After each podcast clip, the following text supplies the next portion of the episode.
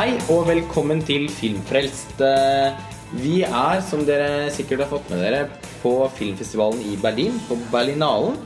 Og har vært her fire dager nå. Så nå begynner vi å ha sett en del film. Men i dag så var det en visning som vi kanskje hadde sett litt ekstra fram mot. Jeg hadde i hvert fall gjort det. Eh, nemlig visningen av eh, den lange versjonen av Lars von Triers 'Nymphomaniac'. Eh, som vi har skrevet veldig mye om på montasje. Eh, for dere som ikke har fått med dere situasjonen rundt den filmen, så har det i alle fall vært sånn at for første gang i Lars von Triers karriere så har det vært en slags konflikt mellom han og produsentene rundt eh, hvilken Han har rett og slett ikke hatt final cut på filmen, da. Og det har aldri tidligere skjedd for von Trier, som er liksom innbegrepet på en kompromissløs autør som kan få gjøre hva han vil. Men eh, Peter Aalbeck Jensen og Louise West, som, er, som også er produsent på filmen, eh, satt faktisk litt foten ned på akkurat Nymphomaniac. Eh, fordi at de mente at Lars von Triers versjon, eller den versjonen han hadde tenkt til å lage, i hvert fall, var for lang. Og kanskje akkurat litt for seksuelt eksplisitt til at det var mulig å distribuere filmen til et bredt publikum i, i flere land. da og um, det gikk mange rykter om hvilke, hva, hva som kom til å bli resultatet av den konflikten. Men det endte i hvert fall med at det ble laget en kinoversjon. Som er den som går på kino i Norge, som også er den som går på kino i Danmark. Og er den filmen som skal sendes ut i verden utover i de månedene som kommer nå. Eh, og er, den er da fire timer lang. Og er delt i to, volum 1 og volum 2, men de vises da sammen med en 20 minutter lang pause. Eh, Lars von Triers originale versjon av filmen er fem og en halv time lang. Og i Berlin så har man da vist eh, den forlengede versjonen av volum 1.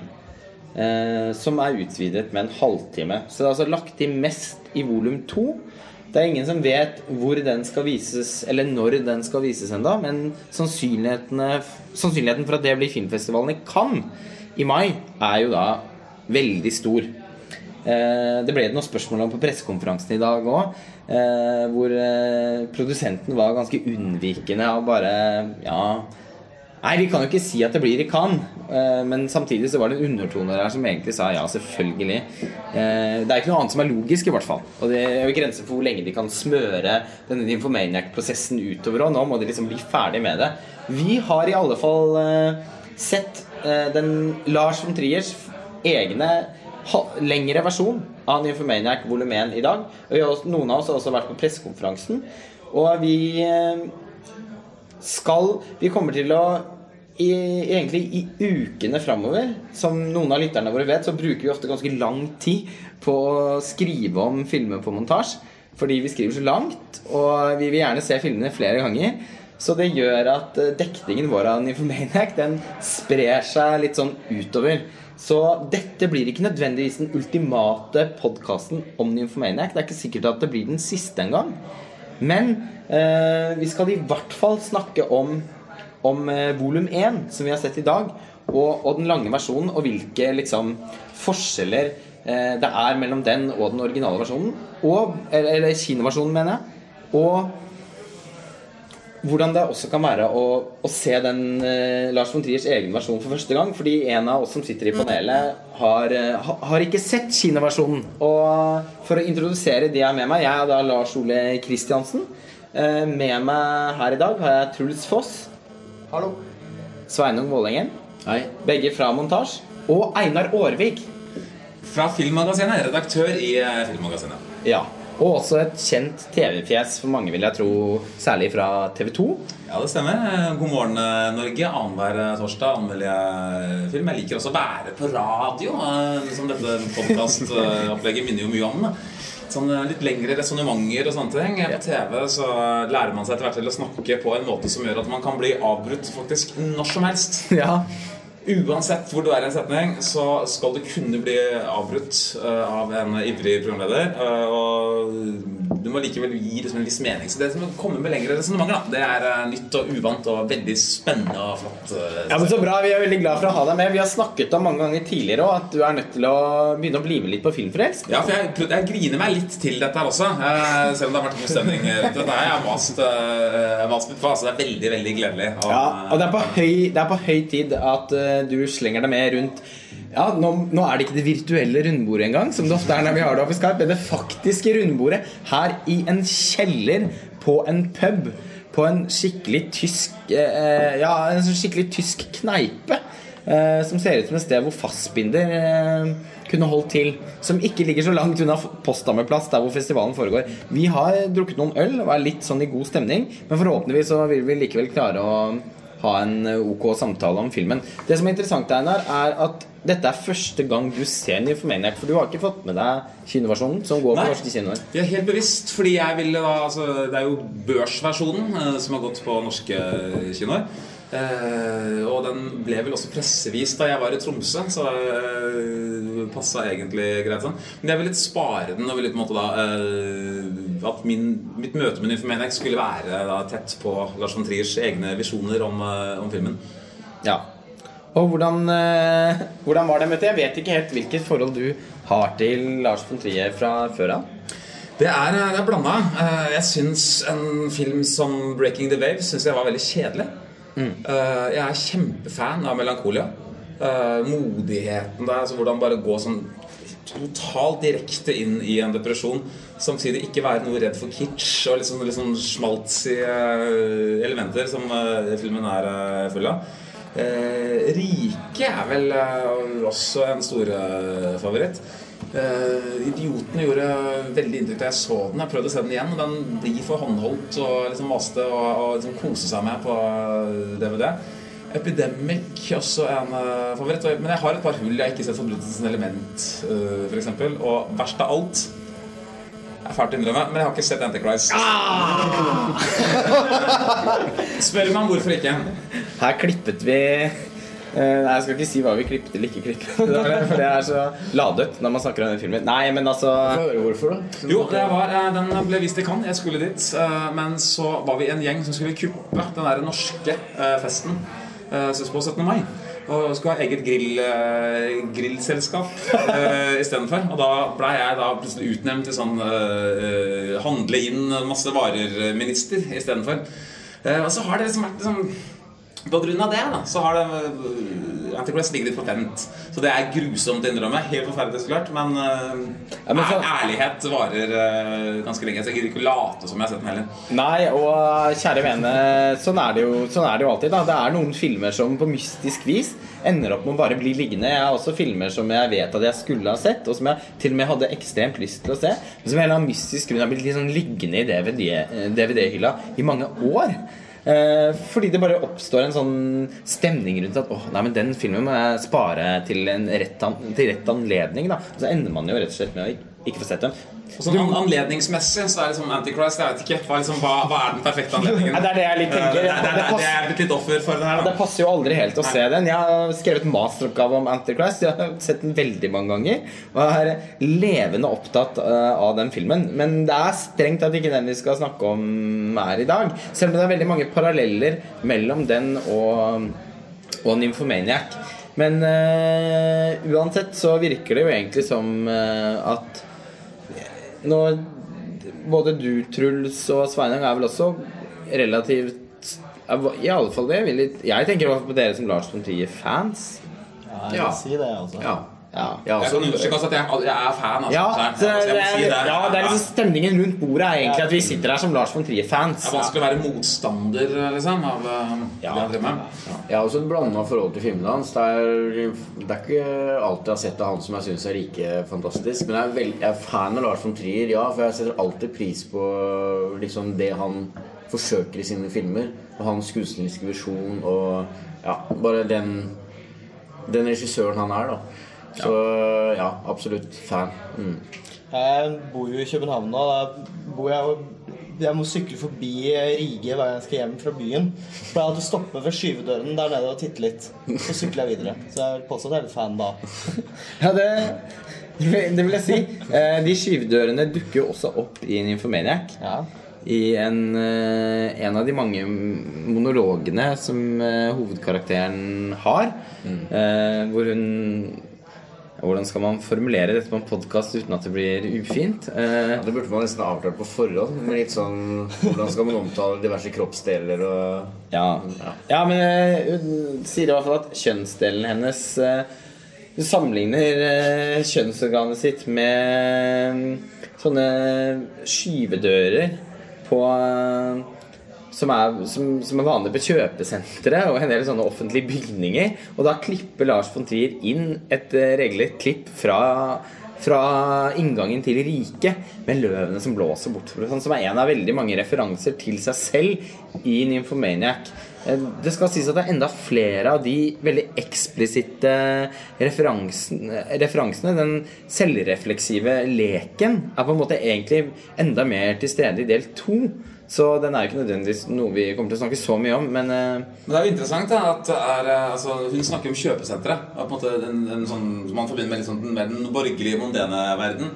Et sykehus er jo, konstituerer og er noe ganske annerledes symbolsk eh, sett Ja. enn det. Så det er jo klart at det har vært et stort ønske for ham å, å vise ting fra tidligere filmer. da. ja.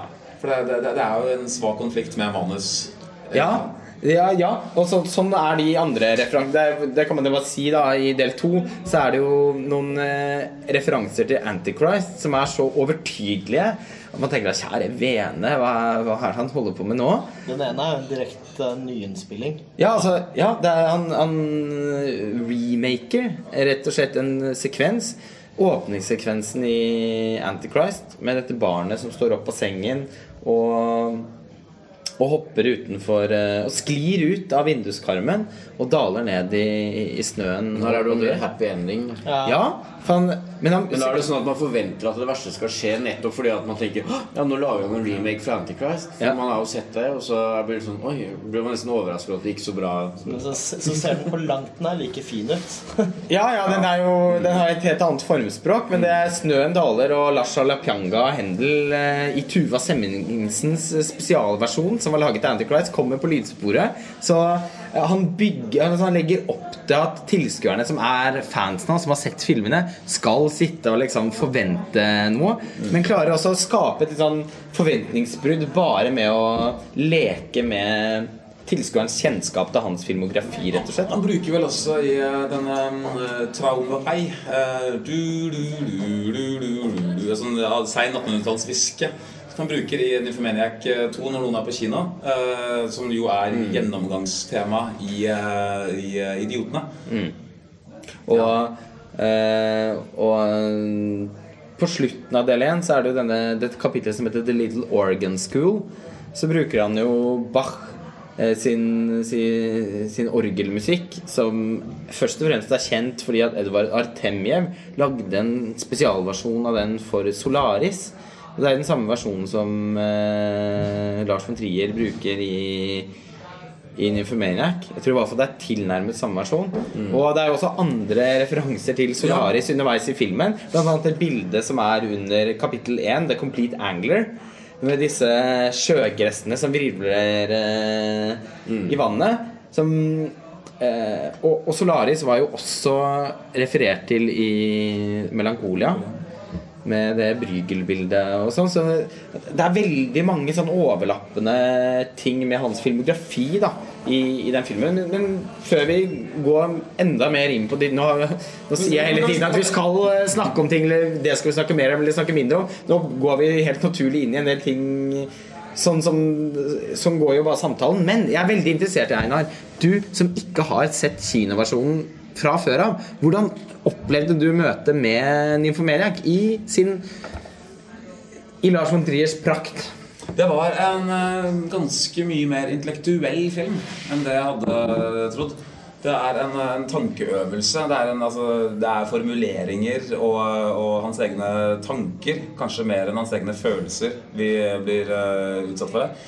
Det er litt sånn med altså, type sånn Blå er den varmeste fargen, litt sånn fortsatt friskt i minnet, sånn, som er liksom en, ja, det man litt sånn kitschy kan kalle litt sånn en sanselig film, da, hvor folk eh, puster og ja, lange uh, tagninger av folk som spiser og sover og har sex. Og, og på den måten, det, det er veldig menneskelig. Uh, I forhold til det syns jeg at uh, Nymphomaniac er litt mer utapå. Uh, det er mer et slags sånn debattinnlegg hvor uh, agendaen kanskje ikke er helt klar uh, i, i første, Men det som, det som slo meg først, da, er vel det at det er um, en, en, det er en veldig sånn tenkende film. da Tenkende film som søker formuleringer veldig tekstlig. Mer enn hva skal man si, kroppslig og, og ikke like intuitiv, kan man si. da som tidligere Som han har vært tidligere. Sånn, like, ikke, ikke, like sånn rock'n'roll-personlig som uh, f.eks. Uh, Idiotene var. Nei. Samtidig så har den jo liksom For jeg er enig i det at uh, Nymphomaniac har jo Den føles ganske sånn litterær. Og det har jo Lars von Trier snakket om også, at han hadde lyst til å lage sin store klassiske roman. Men Nymphomaniac han har snakket om at han var inspirert av Prost og eh, Var det ikke det at han slutta å se film, bare leste en hel del av de store verkene? Jo. Og gikk liksom inn i de for å forstå disse digresjonselementene som også er i filmen. Men også sette seg inn i hvordan strukturen er i en ordentlig stor roman. Disse klassiske sånn, mm. og ja. Når vi snakker om romaner av von Trier, så er det veldig viktig å, tenke på at altså, alt han gjør, er jo egentlig sånn uh, utgangspunkt en, en, en lek med hans uh. Han med det forsømte forhør. Det er liksom hans veldig presise, litt sånn syrlige, uh, men samtidig veldig velformulerte uh, tanker om uh, samfunn uh, osv. som ligger til bånn. Og, den, den føler jeg var veldig, også veldig veldig tydelig i, i Nymphomaniac. Kanskje det, det er jo på sitt desidert tydeligste i riket. da hvor han til og med tar inn karakterer fra Skjerfigs univers med fru Drusse og, og diverse. Men du merker liksom den type formulerings... Altså Skjerfigs formuleringer som er, er kanskje litt sånn von Triers språk, eller filmspråk, på en måte. Jeg tror ikke han snakker sånn når man møter ham til vanlig. Men jeg tror at det er måte Det er sånn han er komfortabel da, med å fortelle stories på film. Ja, fordi når man merker Nå har jo Lars von Trier sluttet å snakke. Og vi var jo litt skuffet over at han ikke dukket opp på pressekonferansen i dag. Fordi han viste seg Vi fikk jo se at han dukket opp på bakrommet. Eh, Det er som på den fotokollen. Ja, og tar bilder. Så vi satt jo, da jeg og Lars Ole som satt der og venta, hadde stor tro på at nå dukker han opp. Nå er det comebacket. Men nei, det skjedde ikke. Det skjedde ikke, og det var eh, Man ble veldig gira, for man bare så han sto der og med fan, typisk uh, von Trier-humor med en Kan-T-skjorte. Hvor det sto eh, og, og, Persona non grata. Eh. Eh, som var, var bare veldig morsomt i seg selv. Og da hadde man jo litt tro på at han nok kom til å dukke opp på pressekonferansen. Sannsynligvis ikke si noe, men bare være der. Men det gjorde han ikke, da. Det er litt corny av deg, er ikke det? Altså, liksom, uh, her har han en mulighet til å liksom, la hele kan-kjøret uh, La det ligge og hvile. Liksom, drite i det. Liksom, nå går vi på neste ting. Han er liksom, Såpass stor er han, liksom. At han bare kunne gått videre. Men at, liksom, at han selv, da, av alle mennesker, skal rippe opp i det der, er interessant. Det er det.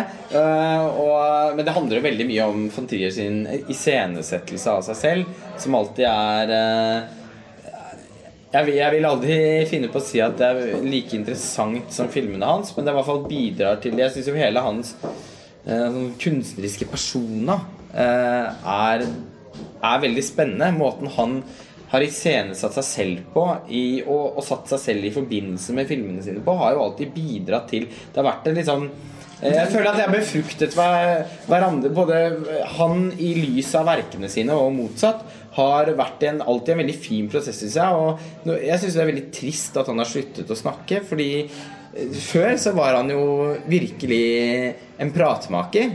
Han elsket jo å snakke om seg selv og om filmene sine, på samme måte som Ingvar Bergman, egentlig. Og eh, man, man sitter ofte igjen da med et veldig rikt materiale da, eh, for hver film, egentlig.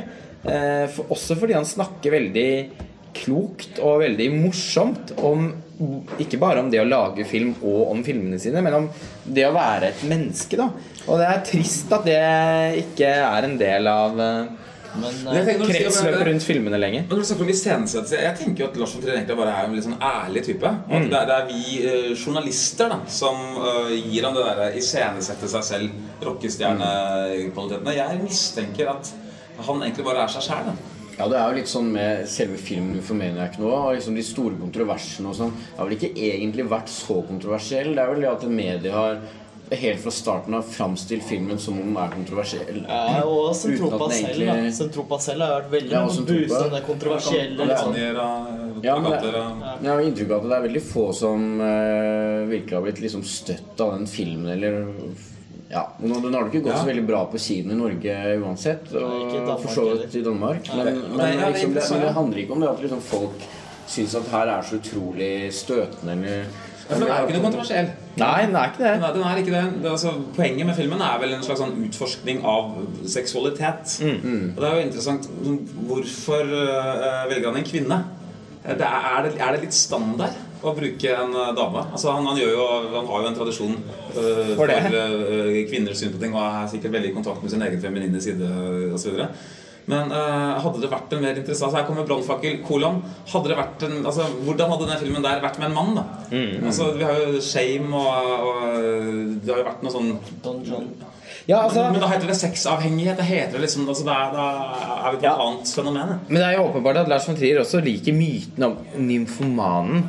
En nymf. Det er en kvinne. Eh, Lars von Trier tror jeg aldri kunne laget den filmen om en mann, for det ligger ikke Det er, det er ikke for han. Så han sånn- lager filmer med, om kvinner. Er Nesten alle filmene hans har kvinnelige hovedkarakterer. Eh, I hvert fall fra 90-tallet og utover. Og han har jo selvfølgelig gang på gang blitt konfrontert med påstander om at han har et problematisk kvinnesyn.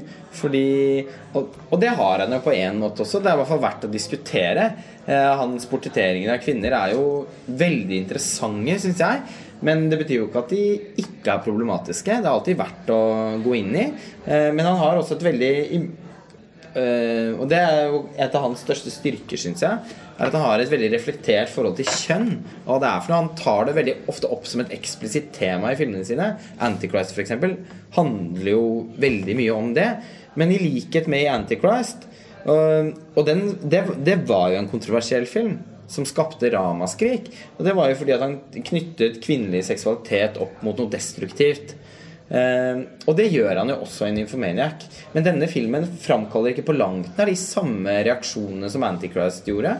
Han er vel på seksualitet generelt som noe destruktivt øh, her, er han ikke det? Jo, altså det, det, altså, det hun, Ved å ha sex med de mennene hun har sex med i filmen, så altså, hun øh, gjør jo livene til de hun ligger med, dårligere. Hun er jo, som hun sier selv, altså, som er hele rammehistorien, med Stellan Skarsgård sånn, så er hun liksom vandrende katastrofeområde. ikke sant? Hun, øh, ved sitt blotte nærvær så gjør hun, forsurer hun liksom tilværelsen da. Ja. mm. for folk rundt seg. Så det er, det er ikke sånn kvinnelig seksualitet. Det er kanskje attråden mot øh, liksom, kvinnelig makt når de er på det toget osv. Men eh, jeg føler at sex generelt øh, blir ikke altså Om ikke det er 100% negativt, så er det i hvert fall ikke Det er ikke noe sånn Sex er eh, fantastisk. Nei. Det er det, er problematiske ved seksualitet. Da, Og, han, og i denne filmen så er kjønns, Det kjønnselementet er på en eller annen måte litt mer nedtonet fordi at I jeg? Ja, på en måte, fordi at eh, Det er litt som Einar sier, da. At selv om hun er en kvinne, eh, så er det ikke Jeg føler ikke at han spiller så mye på det i forhold til hva han kunne I forhold til Antichrist, for eksempel, da. Hvor, han, hvor kvinnen som en mytologisk figur er veldig til stede i filmen, er veldig diskutert. Eh, hvor liksom kvinnen representerer natur, og mannen representerer det rasjonelle, kulturen, siviliserte. Ja, og det, det, det er ikke noe tvil om at det er til stede i Nymphomaniac heller. Eh, med tanke på at eh, filmen, rammehistorien i filmen er jo at eh, Joey, denne nymfomanen eh, Joe. Joe sitter og forteller sin livshistorie til Seligman. En aldrende jødisk herre som er veldig, veldig en sånn klassisk intellektuell. Som har muret seg inn i en kjempebrun leilighet med masse bøker. Ganske Og- klassisk mann også, er det ikke det? jo, eh, og en, type, en viss type mann også. Han har veldig, han har veldig store kunnskaper Og kan hele tiden trekke referanser til ting han har lest om eller kan noe om, men har veldig lite livserfaring. Det viser seg også på et tidspunkt at han er, eh, at han er aseksuell, og at han er jomfru. Han har aldri hatt noen nærkontakt med en kvinne. Og han Fordi, bruker jo det for å si at han er den perfekte lytter. For Han vil aldri dømme henne, siden han, ikke, siden han er jomfru og aseksuell. Meldt seg ut av seksualiteten. Ja. ja, Ja, men han prøver jo også hele tiden å forsvare det hun har gjort, Ja, selv om hun selv ikke vil gjøre det. Og det er liksom eh, fører seg litt inn i det derre den der, det kjønnsperspektivet til von Trier, hvor, hvor liksom mannen hele tiden skal prøve å, å liksom, ja, kontrollere kvinnen på et vis og liksom eh, ta fra den der destruktive makten også. Hvor liksom hun sier jo hele tiden at 'jeg gjorde fæle ting, jeg, jeg ødela livet til folk'. Han er litt- Så han prøver å liksom dysse det ned og han er jo en sånn er- Han er jo redde, redde, redde, redde redde, redde, redde, redde, redde, redde, redde. det? Er kon kon katolsk konvertitt? Oh, men det er bare tøys. eh, eh, Men det litt billig da, men det er kanskje en litt sånn skriftemålgreie da, men hvor, En slags sånn omvendt skriftegreie Hvor presten ikke sier 'Å, huff, så fælt, øh, fortell mer', men han sier 'ikke noe problem'. Det er du som dømmer deg selv. Han er jo- Det minner mer om en sånn psykolog-situasjon. Ja, og- og- Ja, og det minner igjen om Antichrist, da. eh, Hvor mannen til eh, kvinnen der er, er psykolog og forsøker å veilede og på mange måter også mestre henne og ta Og, og få liksom eh, Mestre hennes situasjon og overta den. For å veilede henne inn i noe som kan bli bedre for henne. Det er et ganske arrogant uh, Han har et veldig per arrogant perspektiv på den sorgprosessen som det strengt tatt handler om i Antichrist. Det er han veldig her, for han, hver eneste gang hun forteller en eh, så, historie hvor hun har kanskje ødelagt livet til noen, da, så er han sånn Ja, men det her kan forklares gjennom sånn og sånn og sånn. Et maktspill. Ja, det er helt naturlig. Han forsvarer jo alltid, som Sarah sa, liksom på en rasjonell måte hvorfor hun har gjort det hun har gjort, og hvorfor det ikke er farlig. Ja, og- ja, så vet vi som seere så innmari godt også hva han selv mener om arroganse. Da, med liksom resten av film, øh, filmene hans øh, i bagasjen. Ikke sant? Med uh, Er det Dogville? Hvor det er en sånn uh, James Caan har en sånn lang uh, monolog som er det flotteste jeg har sett på film. faktisk Ble hørt på film Om hva arroganse er. da hvor han utforsker dette med å være en god hjelper. ikke sant? Og, og hvordan stiller du deg i forhold til dine medmennesker? Kan man hjelpe folk uselvisk? Så videre. Dette her vet vi eh, at Lars von Trier vet når vi ser filmen, som gjør det som tilfører noen ekstra intelligens. Da. Ja, og Seligman er jo en eh, veldig sånn kulturradikal humanist, og på mange måter er også et slags skrekkeksempel på det. Eh, han er en person som syns at alt, alle former for overskridelse er på en eller annen måte greit. Fordi du er jo bare et menneske. Du mente jo ikke noe vondt med det. Du prøvde ut noen ting. Ja, det ødela for andre, og det ødela kanskje litt for deg, men til syvende og sist så, så, så har du ikke hatt dårlige intensjoner med livet du har levd. Og der, det er jo der på en måte Seligman eh, på seg selv litt med tanke på at han ikke har opplevd så mye. da At han ikke har hatt så veldig mange menneskelige erfaringer, men opplevd mest av det gjennom litteratur. At han kan jo ikke relatere til hva som vil si å liksom ødelegge et annet menneskes liv, eller disse konsekvensene det kan få. Nei, han kjenner jo ikke til det. For han er det bare noe han har lest noe om, og han kan tenke seg hvordan det er. Eh, Og han kommer jo Han sitter jo hele tiden og forsvarer henne gjennom den samtalen. Fordi For henne er det jo et slags skriftemål. Det minner jo om til, det er, jo sånn, er det ikke sånn terapi er, da? At øh, en psykolog skal liksom ikke være den derre livserfarne Ja, dette opplevde jeg en gang. Jeg skjønner godt hvordan det føltes. Altså, han, han er på det generelle, da. Ja, som han sier, han er den perfekte lytteren til den typen historie. Men, eh, og dette er en klassisk von Trier-karakter. Mennene Uh, uten å gå for langt inn i den kjønnsdebatten rundt uh, von Trier sine filmer, som jeg har en ganske klar oppfatning om hvor jeg står i den debatten. Men uh, det er ikke noe tvil om at uh, selv om kvinnekarakteren til von Trier har en del problematiske trekk, eh, og Eh, og han kan nesten finne på å dyrke noen ting eh, som, som ligger nedfelt i kulturen vår og historien vår som rundt kvinner, som også tenderer til å være ganske misogyne. Da. Så hvis man ser på menn i Lars von Trier sine filmer, så er det stort sett utrolig patetiske mennesker. Eh, veldig gjerne med en sånn slags ideologisk overbevisning som skal komme inn eh, i et samfunn eller i en situasjon og forsøke å og forsøke å liksom løsne opp i den situasjonen. Men som mis- Bettany, liksom. ja, på Bettany i Dogville som er et godt eksempel. Eh, men som mislykkes. Og som blir offer for sin Ja, og som ender med å, å bli langt mer destruktive enn de menneskene han forsøker å hjelpe, som da også gjerne er en kvinne. Eh, men når jeg forsøkte å tone ned den eh, det kjønnsperspektivet i Nymphomaniac i stad, så er det ikke fordi at den filmen ikke føyer seg inn i det gjør den så absolutt. På mange måter er det en oppsummeringsverk for veldig mange av temaene som løper gjennom hele filmografien til von Trier. Men det må jo også være en grunn til at denne filmen ikke framkaller så sterke reaksjoner. Det har jo ikke vært har vært bemerkelsesverdig lite hat, da. Og lite sinne å spore i reaksjonene til den filmen. Og det må nok handle litt om, som jeg, du så vidt var inne på i stad, Einar, at det føles også litt som man diskuterer sex generelt som et fenomen mer enn bare kvinners seksualitet. Den handler om en kvinne, men nå har jo også Lars von Trier gang på gang redegjort for at for han føles det mer naturlig å, ha kvinnelige hovedkarakterer fordi han føler seg Han føler ofte at han identifiserer seg mer med kvinner enn med menn. Eh, Og det handler ikke om at han nødvendigvis er feminin, men han har en feminin side som han nok syns det er mer verdt å lage film om enn den motsatte. Og, eh, men han er jo også en nerd. Og han er en eh, skikkelig sånn kunnskapsrytter. Det er i hvert fall inntrykk av. En ganske sånn pedantisk, nerdete på mange måter også. Er veldig belest, veldig, kan veldig mye om veldig sånn snåle ting. Og når han snakker også selv tilbake, Vi kommer tilbake til det med Lars von Trier som offentlig person. Da, så glir han ofte ut i lange digresjoner når han snakker. Og oss på den måten så opplever jeg Nymphomaniac veldig som et oppsummeringsverk for von Trier. Da, fordi Seligman og Joe er, eh, representerer på en måte de to sidene av Lars von Trier. Både den sånn irrasjonelle eh, Fuktig menneskelige siden av han, som er med masse følelser, og som er veldig sånn eh, ja, og på en annen måte også den eh, som, som, som, som lager disse konseptene som er veldig sånn pedantisk og, og nerdete, da. På en, også må man si på en ganske sånn maskulin måte. Det er der jeg tenker på da. Hvor den kommer inn. altså Forsømte forår og den forsvunne embetsmann. Og liksom hele den her veldig veldig presise, samtidig ganske syrlige, helt sånn klare det, Stanley Kubrick har litt av den samme feelingen i sine filmer. Både i, uh, i Man er så presis i, i språket.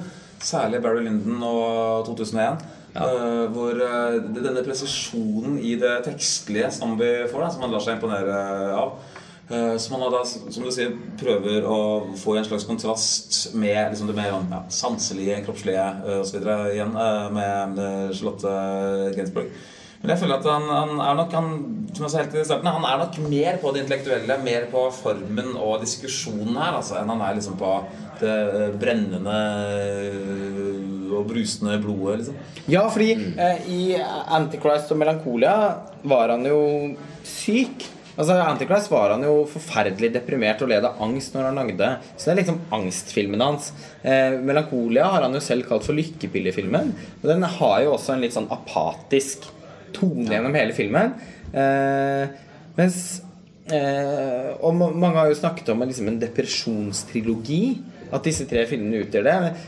Ja, og det er ikke en Han har jo Det har jo han selv eh, gjennom noen andre. For nå snakker han jo ikke selv lenger.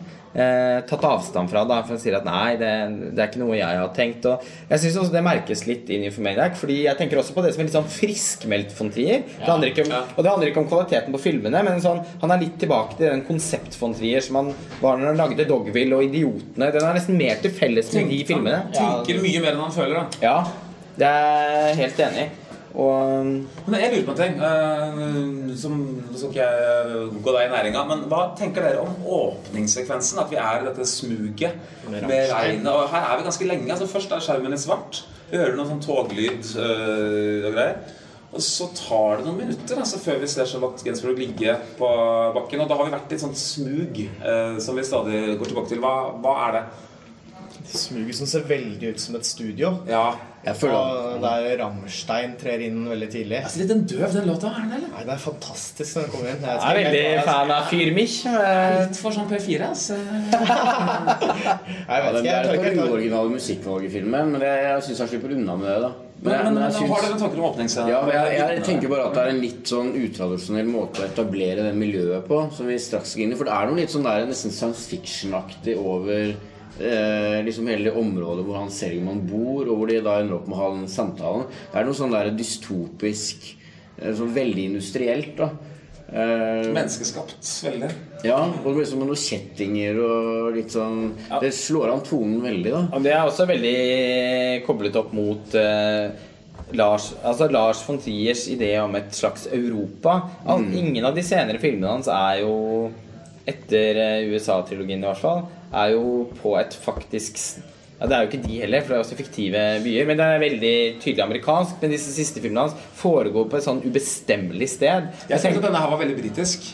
Ja, At her er vi altså med Christian Slater som far når det er ute på, i naturen. At dette er, det er noe engelsk. da Ja, Det men hjelper det- kanskje litt med at den uh, unge Joe blir spilt av uh, en brite. Men, Ja. uh, og- men det, samtidig Human Thurman snakker britisk. da det er, Ja, men det er, veldig, det, er, veldig, det er en veldig kontrast mellom liksom, de bildene vi får se fra denne fortellingen, og der hvor liksom, faktisk fortellingen finner sted.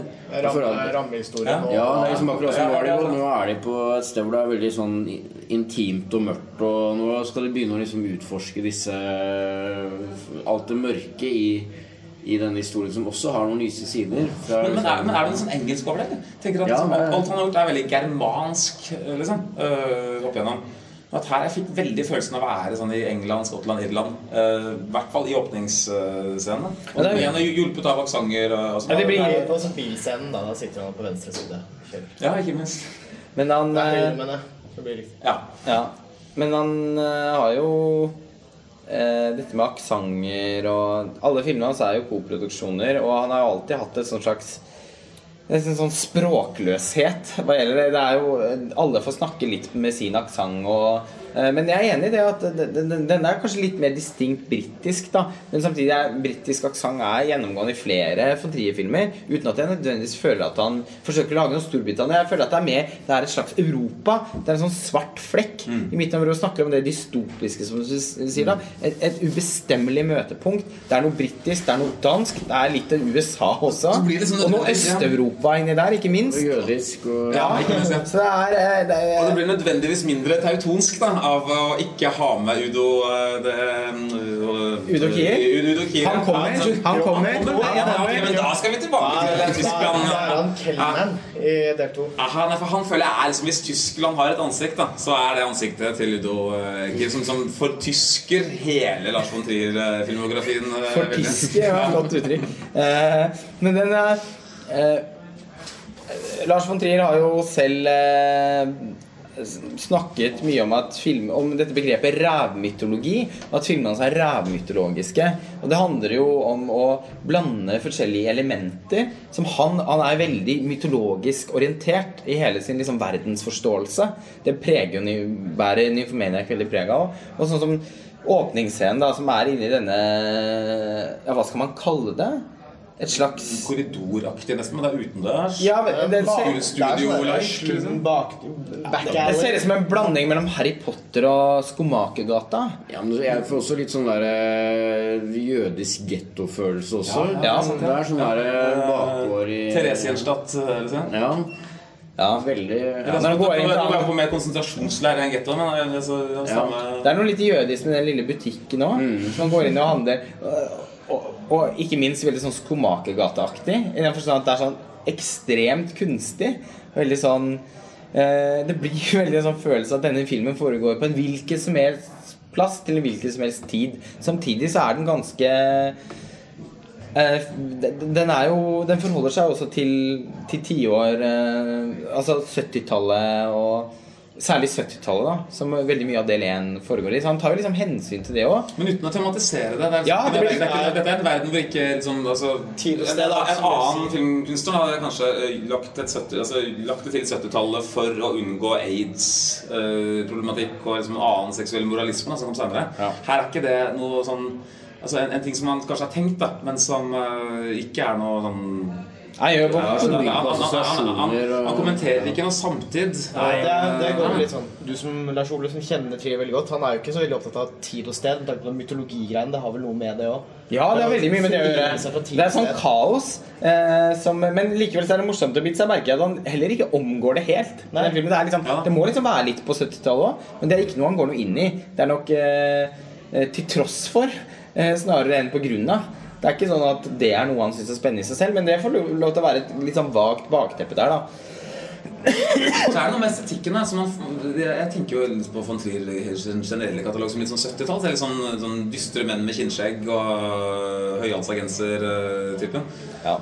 Og Kan vi ikke snakke litt om hva slags eh, folk han caster også? Det er, sånn, det er noe med utseendet på mennesker i en von Trier-film. Bare se hvordan uh, en fyr som uh, Christian Slater bare glir så pent inn liksom, i, uh, i uh, von Trier-universet. Husker Mikkel Gaup hadde jo en rolle i Breaking the Wave, som også har en sånn herre eh, et, sånn Triersk utseende. Mm. Det, det er en egen eh, en, en miks av mennesketyper som er veldig vanskelig å naile liksom, helt ned akkurat hva det er. Men uh, Og så er det Uma Thurman da. Hun også glir jo på et vis rett inn med måten hun leverer dialog på. Ja. på. Så er det noe helt sånn Det handler, ja, vel, ja, fordi når du nevner dialogen, det handler veldig mye om måten filmen er skrevet på. Lars von Trier skriver på en litt sånn der krøkkete måte. det krever ganske rutinerte skuespillere, tenker jeg da. Ja. Så Uma Thurman er, som er, man vet er god, da. Eh, de er litt avhengig av å ha eh, skuespillere av et visst eh, format her. Altså. Ja, og han, men han, han, det er sånn plukk og miks. Han Ofte veldig mange kjen, relativt kjente Hollywood-fjes mikset med noen danske skuespillere og noen gamle favoritter som han alltid har med seg. Være seg Udo Kier eller Stellan Skarsgård. Og det blir litt sånn at alle snakker litt samme språk, og det er som du sier, det er fascinerende du sier at eh, må, nå vet ikke jeg noe særlig om hvordan han caster filmene sine, eller hvilke tanker han har rundt det, men det blir et veldig sånn eh, Det blir ett uttrykk. Han får alle til å spille på litt samme måte.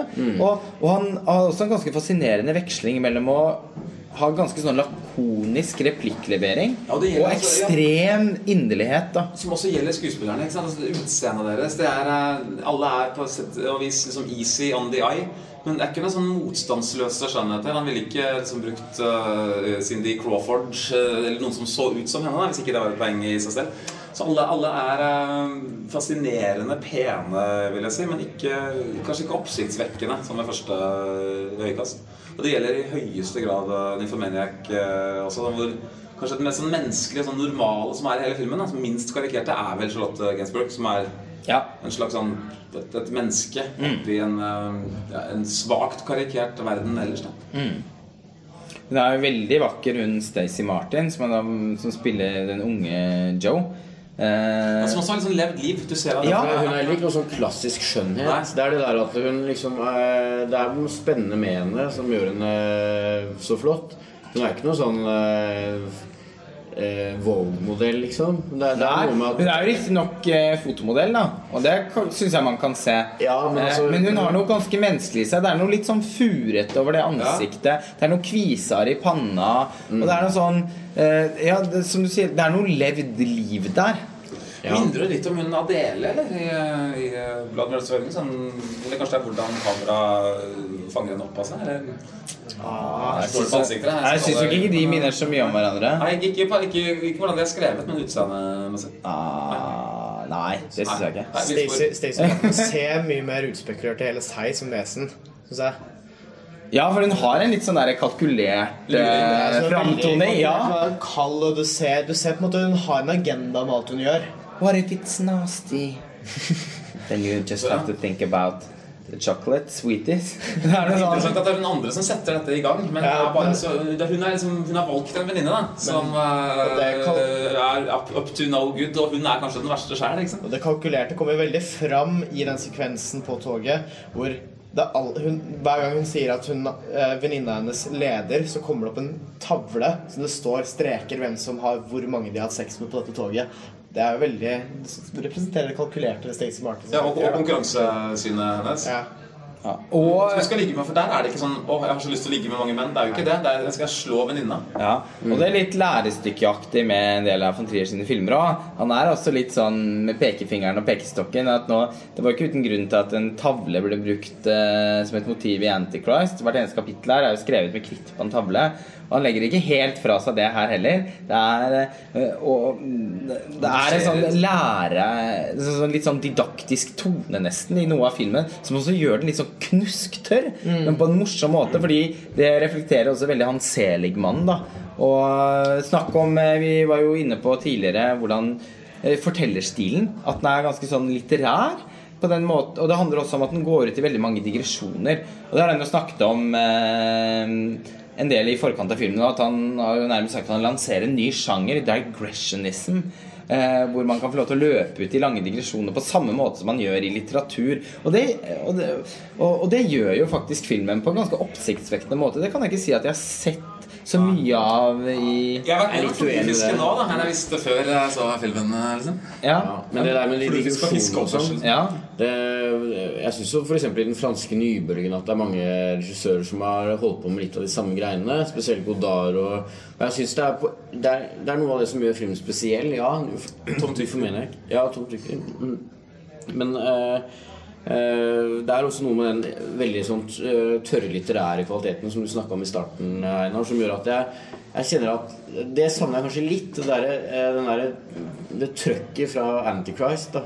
Den følelsen, liksom. Den eh, Ja, det, det blir veldig teoretisk. Og hvis man skal snakke om den den, eh, eh, denne depresjonstrilogien, så er det noe eh, Altså det å på en måte ikke innse liksom eh, realiteten og være redd for noe og kjenne på angsten og sånn. Det er en form for apati, det også. Jeg føler at det er en litt sånn type apati også over den filmen her. Nå er han tilbake i bøkene, har funnet seg til rette igjen i samfunnet, eh, kulturen. Nå, nå begynner ting å, gå, å liksom være på stell igjen. Friskmeldingsfilmen. Ja, ja, ja. Og så er det mer sånn, det er og det sånn har sine negative sider også. Selv, litt mer selvtilfreds. da. Ja. Eh, Han sa vel det om Mel- Melancholia at han hadde ingen idé om han hadde laget en god eller dårlig film. Ja, han, Han, han visste ikke helt. han- Her, her føler jeg at han vet, at, vet selv da, at han har Han noe sa jo etter 'Melankolia' sa at han, på en måte, det var en film han var skuffa over seg selv for å gjøre fordi han utfordra han, han ble ikke utfordra nå, da. Han ble ikke så Han bare sånn Ja, ja, det er ikke en så god film i hans øyne. Og Antichrist var han jo heller ikke spesielt fornøyd med. Det har han all grunn til å være, men den filmen følte jo Der tror jeg han følte at han hadde for lite kontroll. I lyset, bare i lys av sykdomssituasjonen han var i. For første gang for eksempel, så kunne han ikke være kameraoperatør lenger. Det har han heller ikke vært på de senere filmene fordi han skjelver sånn pga. de medisinene han tar. Men bare eh, den hadde han problemer med fordi han følte at han hadde ikke noe kontroll over filmen. Og for han eh, eh, Der er jo også han veldig pedantisk. Han liker, han er eh, Snakker om Kubrick, da, som du nevnte i stad. Barry Lyndon er jo en av Lars von Triers absolutte favorittfilmer. Dogville er jo nesten basert på Dogville. Med fortellerstemmen og kapittelinndelingen eh, og eh, Kubrick er jo den mest undervurderte inspirasjonskilden til Lars von Trier. Alle snakker alltid om Dreyer og Bergman og Fassbinder. Men eh, von Trier sier jo gang på gang i intervjuer at Stanley Kubrick er vel så viktig for meg. Ikke minst fordi Kubrick alltid lagde noe nytt. Hver eneste Kubrick-film var liksom operert i en litt ny sjanger. Den hadde selvfølgelig noen veldig eh, samme visualitet og samme type tilnærming. Men det var likevel alltid preg noe nytt. Og han var jo med på å definere veldig mange forskjellige sjangere. Nå har ikke eh, Lars von Trier på samme måte operert innenfor definerte sjangere i det hele tatt. Men noe av det mest forutsigbare med Lars von Trier har egentlig i grunnen alltid vært uforutsigbarheten. Lars von Trier kom med en ny film. Oi, ja, dette vet vi ikke hva kan være. Det kan være noe helt nytt. Men stilen hans er altså eh, et, um, Han er øh, liker en regissør som Tarantino i måten han ser på sin egen filmografi. Eh, Tarantino sa en gang han liker jo ikke å lage film. Eh, men han er veldig glad for å se filmen når den er ferdig. Ja. Sånn her er mesterverket. Det var et helvete å lage den og Så, så har du en fyr som Woody Allen da, som bare sånn Nei, jeg, jeg bare kaster ting opp på veggen, jeg, så ser jeg uh, Ja, han må lage står film for å leve, liksom. Og jeg tror det interessante er jeg tror at uh, von Trier er egentlig likere Woody Allen. At han må lage film for å leve. Men han, han uh, det kjemper nok en liten kamp hver gang. Og, og ønsker nok å forandre verden litt for hver eneste film han gjør. Han har litt sånn øh, si pretensjoner, i hvert fall sånn tunge intensjoner. da Ja, men det, men det synes jeg er interessant, fordi jeg føler at det er mer av der, det ønsket om å forandre verden med Nymphomaniac, hvis jeg skal snakke om det, da. Eh, kontra Antichrist, hvor, hvor det er mer Der føler jeg at det er mer ønske om å bare kunne fungere som menneske. Det føles mer som en film hvor han gjør Maner gjør det mørkeste, liksom. Ja, og liksom gjør det fordi han virkelig trenger det for sin egen del. Men den føles samtidig også veldig kontrollert. Han, det er liksom angstens klarhet i den filmen. Angstens Hvor- klarhet. hvor han da også klarer å liksom eh, ser klart nok til å lage noe som, som treffer eh, Som blir universelt, da, som treffer folk utenfor han selv også. Det er det, men det er det en ting jeg likte veldig godt med Nymphomaniac, er at den, som vi nevnte tidligere, at den tar tilbake en del av det gamle Von Triers. Det gamle, fra, det gamle til Triers filmer som føles mer sånn kalkulert og mer At han er friskemeldt. at han lager noe sånn snålt. Det er veldig morsomt og veldig plumpt, men veldig smart også. Det handler ikke sånn om en desperasjon eller en sånn Det handler mer om den intellektuelle Trier som går inn i noe, og så skildrer han det på triersk måte. Ja, altså det, det er derfor jeg også opplever at den filmen har mye mer til felles med sagt, både Idiotene og, og 'Dongville' og Mandalay, egentlig, enn den har til felles med Antichrist og Melancholia. Den Men jeg i- syns ikke det Altså, det der med det, den utforskningen av seksualitet og kjønn og sånn nå, Det ble enda klarere for meg nå når jeg så den del 1 nå igjen. Altså, det er jo et voldsomt gjennomgangstema i, i hele Nymphomaniac. Akkurat som det var i de to andre filmene også. Og det du sa i, i starten eller i tidligere om at det er mer seksualitet sånn generelt, det er, det er jeg helt enig i. Men, men seksualitet generelt handler jo nettopp om kjønn. Det handler om mann og kvinne. Ja, ja, ja. Og, det, og det er det veldig mye av innenfor Maniac òg. Og det synes jeg Og jeg setter også veldig pris på at nå er det liksom den type von Trier som vi ser innenfor Maniac. Ja, altså jeg snakker, Nå snakker jeg ikke tematisk. eh, Nei, nei, Der er den mer til felles med de to siste filmene, egentlig. Men, men jeg, jeg. Men eh, jeg snakker mer om eh, tilnærmingen i fortellerstilen ja, og men- formspråket. Men, det er- men det er det jeg mener at liksom den tilnærmingen Jeg setter veldig pris på den i Nymphomania. Og nå er, liksom, nå er han tilbake der. Men samtidig syns jeg det er kanskje Det er litt, har litt blanda følelser mot det at han eh, liksom fortsetter sånn tematisk fra de filmene han har lagd nå i det siste. At liksom Det føles ikke så nytt, egentlig. Som det, det er jo det, er en lang film, det er mye å ta tak i. Det er, det er masse mer enn disse, dette, dette kjønnsperspektivet og sånn. Det er litt den derre føles det jo litt som vi pratet her, som har blitt nevnt veldig ofte, og Petter Alvik Jensen sa det jo, at det er på en måte Triers hovedverk.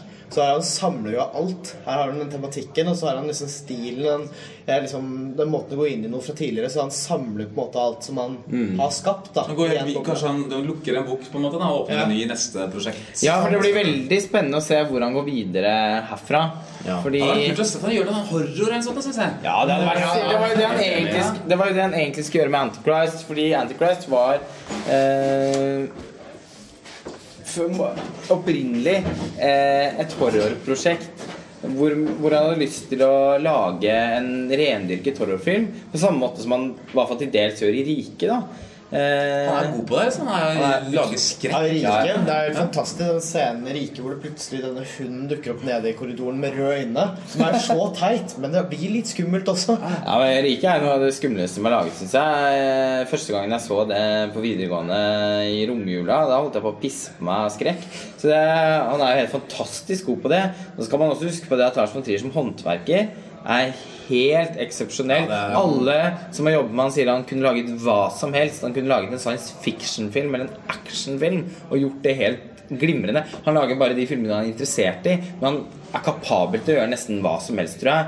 Eh, og Antichrist var jo opprinnelig et skrekkfilmprosjekt. Men eh, etter at han har laget Dogville og Mandalay og ble veldig lei av det han, Den trilogien ble jo avsluttet. Han orket jo ikke å lage det samme enda en gang. Denne Washington, som skulle vært den tredje filmen, har jo blitt avlyst. Og så lagde han denne ganske mislykka, lurvete komedien 'Direktøren for det hele'. Og i den samme prosessen der så var det snakk om dette skrekkfilmprosjektet som han drev og jobbet med. Men så ble han veldig syk, og egentlig annonserte at han sannsynligvis aldri kom til å lage noen film igjen. Og når eh, han da kom tilbake med Antichrist, så var det, hadde jo det prosjektet da gjennomgått en voldsom prosess. Da hadde han tatt utgangspunkt i det gamle skrekkfilmprosjektet, men som han ikke var i stand til å lage. For der, der var han ikke. Men da brukte han rammene fra, øh, fra det til å lage noe om den tilstanden han selv var i. Og det ble Antichrist. Men man kan jo ikke slutte å Og det er et, et vanvittig mesterverk. Eh, kanskje den beste filmen han har laget, syns jeg. Eh, men eh, vi skal ikke se bort fra Altså jeg tenker at det litt som du sier da Det er litt kanskje følelsen av en lukket bok òg. For den går så grundig eh, til verks på, på noen områder som har vært så gjennomgående i hans filmografi. Det, er et, At- det ville jo vært en nydelig slags siste kapittel til den delen også. Det ville jo bare Ja. Ja, for han kan ikke, nå skal han tvære enda mer. Altså, hvor, hvor, liksom, Har han ikke løfta de fleste steiner eh, rundt omkring dette? Jeg tenker jo at eh, en, fra en regissør som er så, tar så til de grader utgangspunkt i sin egen virkelighet, og også synliggjør det underveis, så hadde det vært veldig kult å se Lars von Trier rett og slett lage en dokumentar. Ja, det det og, interessant. og, og noe som da eh, var en dokumentar om ja, fluefiske, hva som helst. Altså Noe som eh, interesserte ham. da. Noe han ønsker å, å ha den? Som interesserte han. Ja, har den diskusjonsevnen ikke sant? og viljen eh, på film hele tiden. Og bare se den i en sånn dokumentarform. Og hvor delaktig han selv er eller ikke er. liksom hvor mye sånn, Om man skal være Michael Moore eller stå bak eh, kamera. Det er, eh, begge deler er nok eh, gøy uansett. Han har jo litt den, han har litt den evnen til å Han er litt den typisk som foreleseren som prater om noe veldig tørt, men han gjør det alltid interessant. da Så det kunne vært veldig interessant å den en dokumentar som Lars von Trier. Ja, og jeg, altså um, og en, en, annen- trenger jo ikke finne opp kruttet, dokumentarkruttet på nytt uh, i det hele tatt. Og gjerne liksom i en sånn at det er At vi tviler litt da uh, og lurer litt på om det er, er det dokumentar eller ekte. bare uh, vi ser Litt sånn Anna Odell-style, hvis dere så dere den forresten? Jeg så den under Tromsø internasjonale filmfestival. Likte den veldig godt, jeg. Ja, samme her. Samme.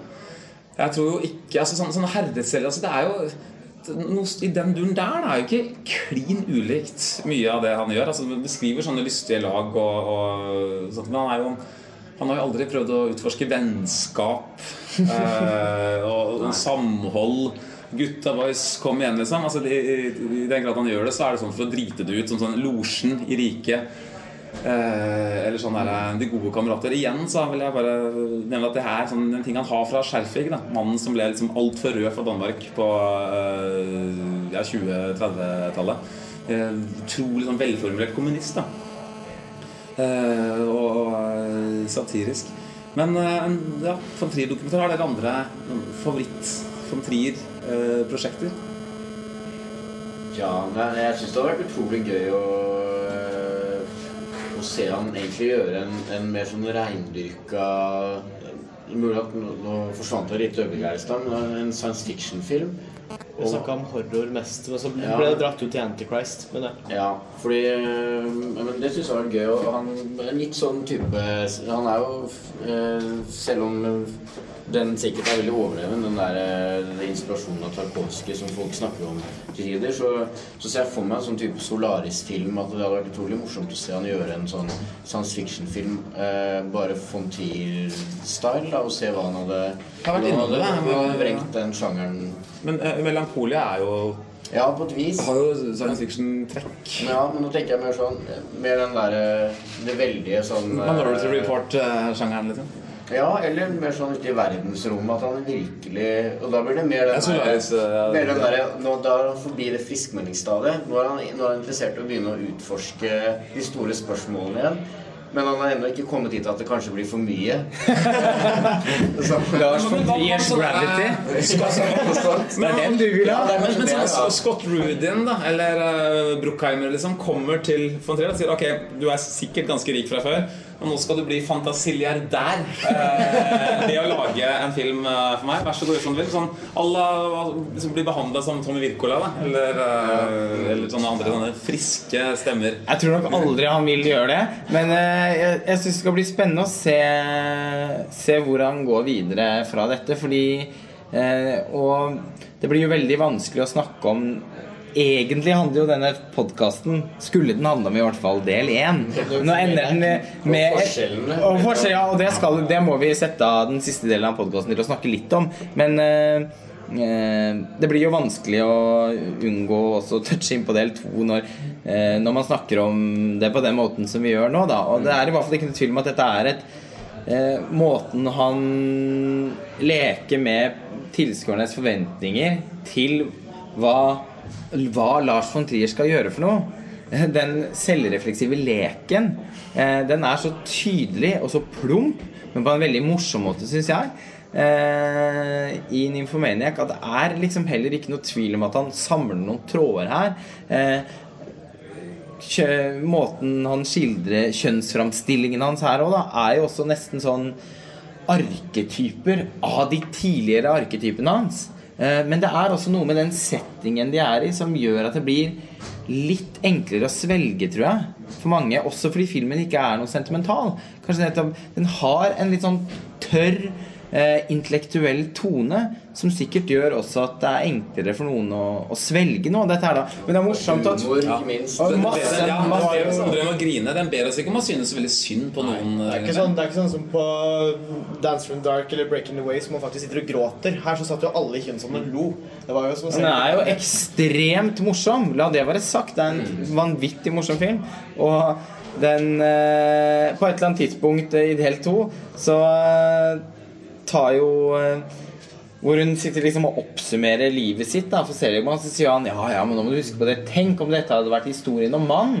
Om en mann. Da hadde ingen hevet et øyebryn. Det kommer inn, Ja, det kommer inn. Og da eh, blir det sånn slags eh, nesten et sånt postulat eh, om eh, hvor, hvor, hvor Lars von Trier på en måte da sitter og Som en forsvarstale da, for kjønnsframstillingene i alle filmene sine på en ganske sånn plump måte. Da satt jeg faktisk og tenkte ikke sånn Vet du hva, dette kan, dette kan du nesten ikke tillate deg. Ikke engang du kan tillate deg det. Men så slår han bena under det rett etterpå, og så blir det helt fantastisk.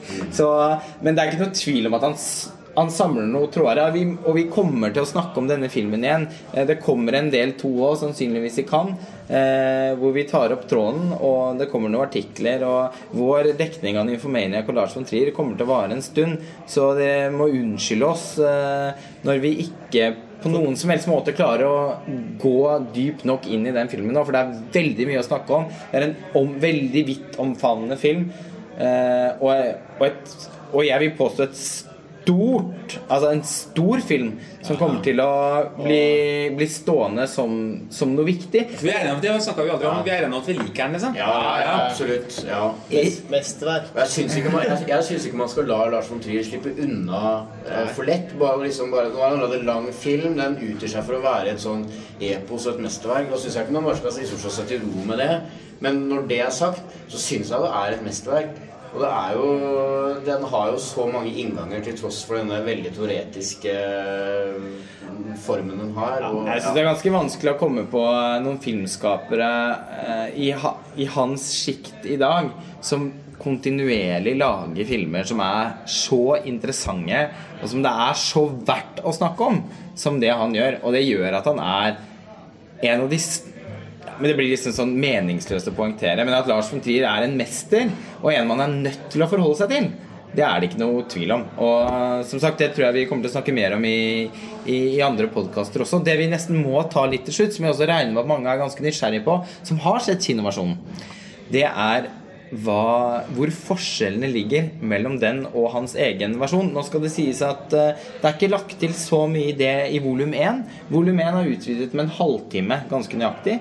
Mens volum 2, som da kommer til å bli vist på et senere tidspunkt, den er utvidet med litt over én time. Så, og det merket man kanskje også når man så kinoversjonen, at det er der det mangler mest. Altså Der kan man faktisk få en følelse at det er noe som mangler. Det gjorde jeg faktisk aldri i Polum 1. Bortsett fra at man ikke fikk noen av disse eksplisitte sexscenene som de har jobbet så mye med. Nymphomaniac ble utsatt flere ganger. Og det var jo både fordi det var så mye materiale å jobbe med i klippen, og fordi at det tok så lang tid å få til disse spesialeffektene. De har brukt pornoskuespillere eh, og tatt kjønnsdelene fra dem i disse hardcore sexscenene og limt over på skuespillerne med spesialeffekter, da. Og det får man jo Det får man jo i hvert fall se litt av eh, Resultatet av all, all den jobben får man jo i hvert fall sett litt av da i volum 1. Fordi her er det noe, noe penetrasjon og noen nærbilder av noen kjønnsorganer. Og noe litt mer sånn utpenslede detaljer rundt eh, Annet denne blowjob-scenen på toget og sånn, som er ganske mange hakk mer eksplisitt enn det er i den kinoversjonen. da jeg bare kom en liten uh, Ivon Triers sånn digresjon her nå? Ja. Men det er digresjon innenfor Triers uh, Nymphomaniac, så det er en digresjon innenfor digresjon innenfor filmen. Ja. Men i hvert fall uh, del to, som er utvidet med litt over en time Nå prater vi at det her var ikke en sånn sjokkfilm. Kanskje den blir sluppet i Cannes igjen. denne Slokk-filmen kanskje i del to utvidet versjonen av Ja, for det er nok mer rom Ja, å lage noe, mer rom for å lage noe sånn noe rabalder der. Ja, det er jo flott å for det skal tilbake. ja, for det, for det, ja. Nei, men det skal bare få si at det er ikke noe Det var jo ikke spesielt sjokkerende, denne Lars von Trier sin versjon heller. Det føles jo egentlig bare helt utrolig meningsløst at de har kuttet vekk denne halvtimen. Det maker ikke sense i det hele tatt, syns jeg. Men i del én så er det også mye mer sånn Den, den, går, den, er, jo, den er jo litt snillere enn del to, for å si det mildt. Ja da, det er den jo i utgangspunktet, så det, Men eh, Jeg skjønner ikke helt hvorfor det var så viktig med disse pornoskuespillerne. Hva, hva, er dette en film som trenger de eksplisitte scenene?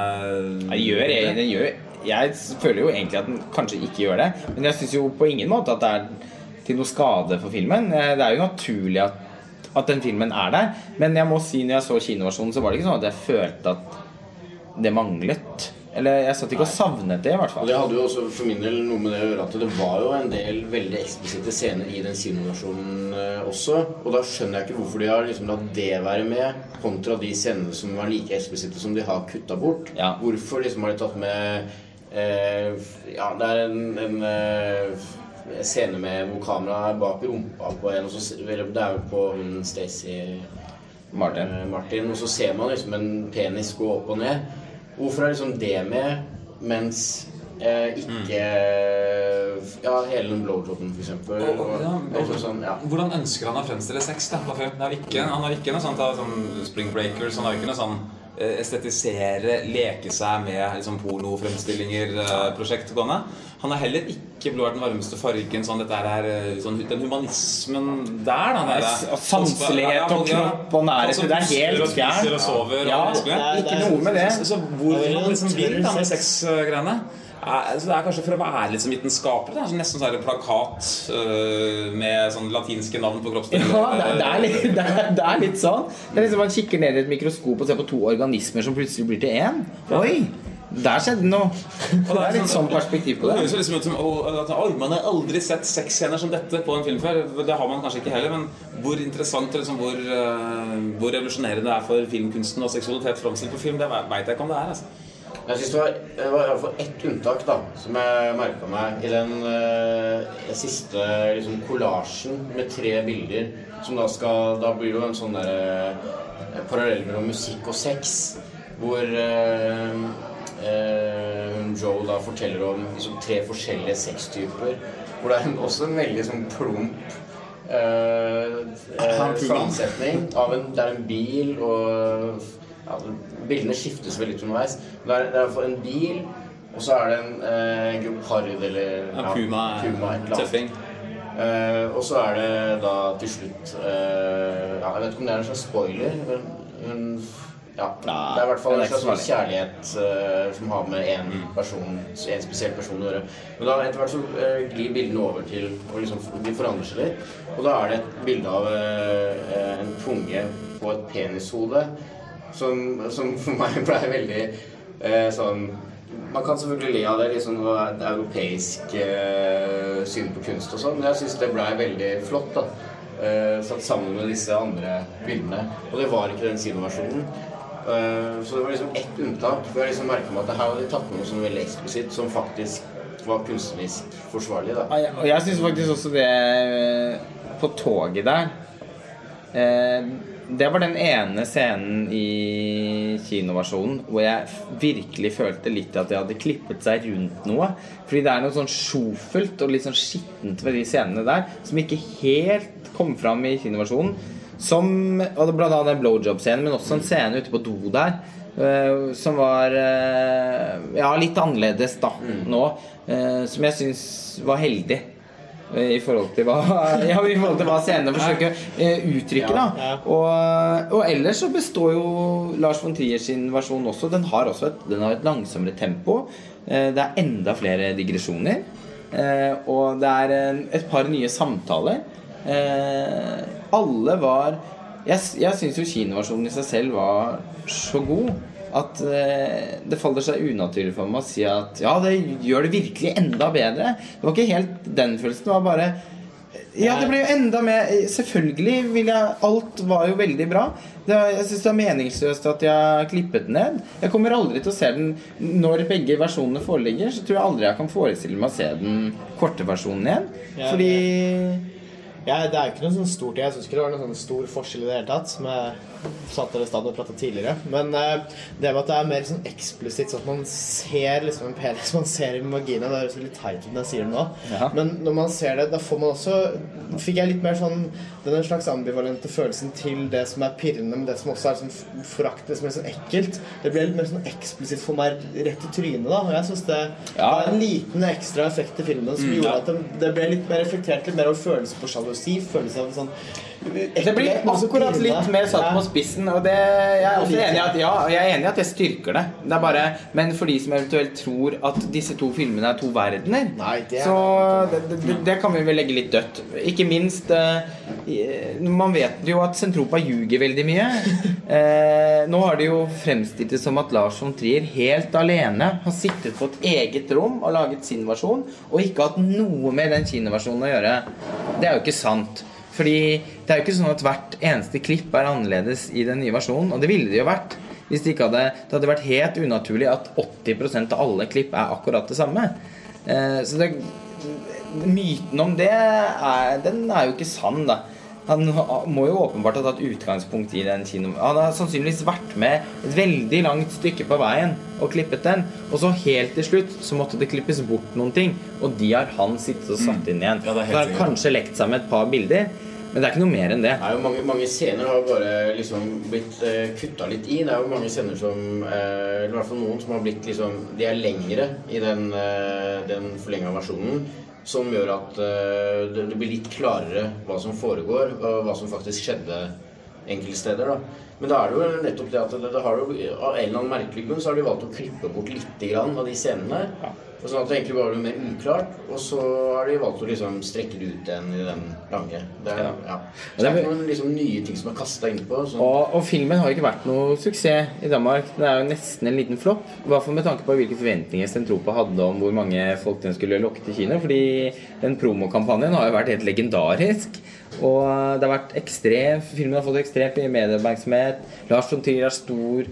Er liksom en så stor skikkelse både i, Euro i europeisk film og da særlig i Danmark. Man jeg tror Sentropa hadde forventet at folk skulle gå litt mann av huset for å se hva han har gjort denne gangen, men det har de ikke gjort. Og da blir jo den eh, hele, hele det valget med å lage en kortere versjon har jo vært mislykket, fordi de har jo trodd at ja, en fem og en halv time lang film Nei, det er det ingen uh, som Det er det ingen som har tid eller krefter til å gå og se på kino. Men en fire timer, jo, ja, det går nok. Det, det ikke, fire timer er også for langt. Det er ingen Med pluss en halvtime pause og pluss rundt det er få mennesker som har fem timer til å gå på kino.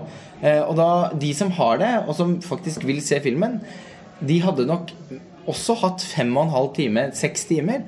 Og ville nok først og fremst sett Lars von Trier sin egen versjon. Og den disclaimeren sånn som er på begynnelsen, som forteller at dette er en versjon von Trier ikke kan stå for, sånn, det har nok også skapt litt sånn negativ publisitet. Ja, forvirring. sjokk, ja, forvirring. Så vi sitter jo her, og vi er forvirra, liksom. Ja. uh, hvert fall jeg. Liksom, hva som er hva, hva skal de kan, hva skal på kino, hva, hva er det Ja. ser, hva er forskjellen?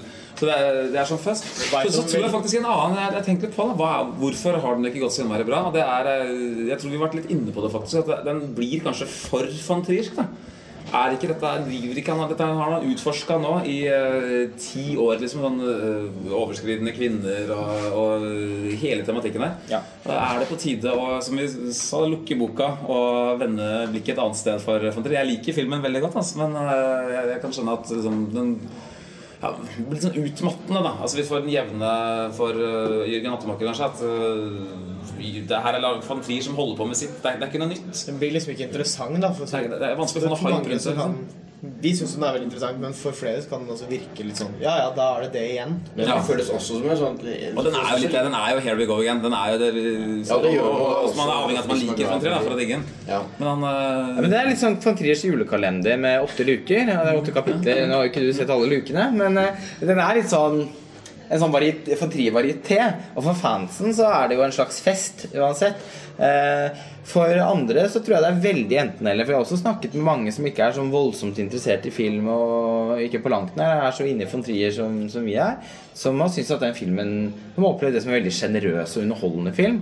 Eh, mens jeg vil også tro at andre kan oppleve den som veldig kjedelig. Altså langsom og Ja, hva skulle dette her være? Ja, det var en som hadde masse sex. Det Du må, du må gå du må altså sånn, Enten så må du legge mye inn i filmen, eller så må du ta imot veldig mye av det som ligger der. Altså den litt sånn Den har jo en litt bred tone noen ganger, og med humoren og sånn. Eh, enten så må du ta det og la det dra deg med inn, eller så må du liksom investere noe i filmen. Men hvis du er i en sånn helt sånn mellomting, så ser jeg for meg at det sikkert også kan være en ganske en ganske trøttsom tur på, på kino. Det ligger jo en automatikk der, synes jeg da Når film varer så lenge, da sier filmskaperen til publikum at absolutt alt som skjer her, er ikke av bærende eller avgjørende betydning. Her er det lov å liksom øh, koble litt av og ut. Og, Jeg går ikke ut fra at han ønsker å ha, liksom, å ha oss i kinosalen hele tiden. Her skal vi liksom la pedagogikken hans synke, synke inn. da Uten at altså, Det er ikke, det er ikke en intens opplevelse på noen som helst måte. Og det, og det blir liksom en naturlig følge da, at den varer øh, så lenge. Han, liksom, hele kroppen i kinosalen oppfører seg annerledes når vi bikker tre timer. Ja, og det blir jo den forlenga versjonen veldig Den, den liksom øh, underbygger jo veldig det. Når man da ser at øh, her var det ikke noe sånn Jeg kan vel tenke på at det liksom er noe der Lars von Trier absolutt på død og liv må, måtte ha med, som liksom ikke kom med i den, den firetimers versjonen, som også er veldig lang.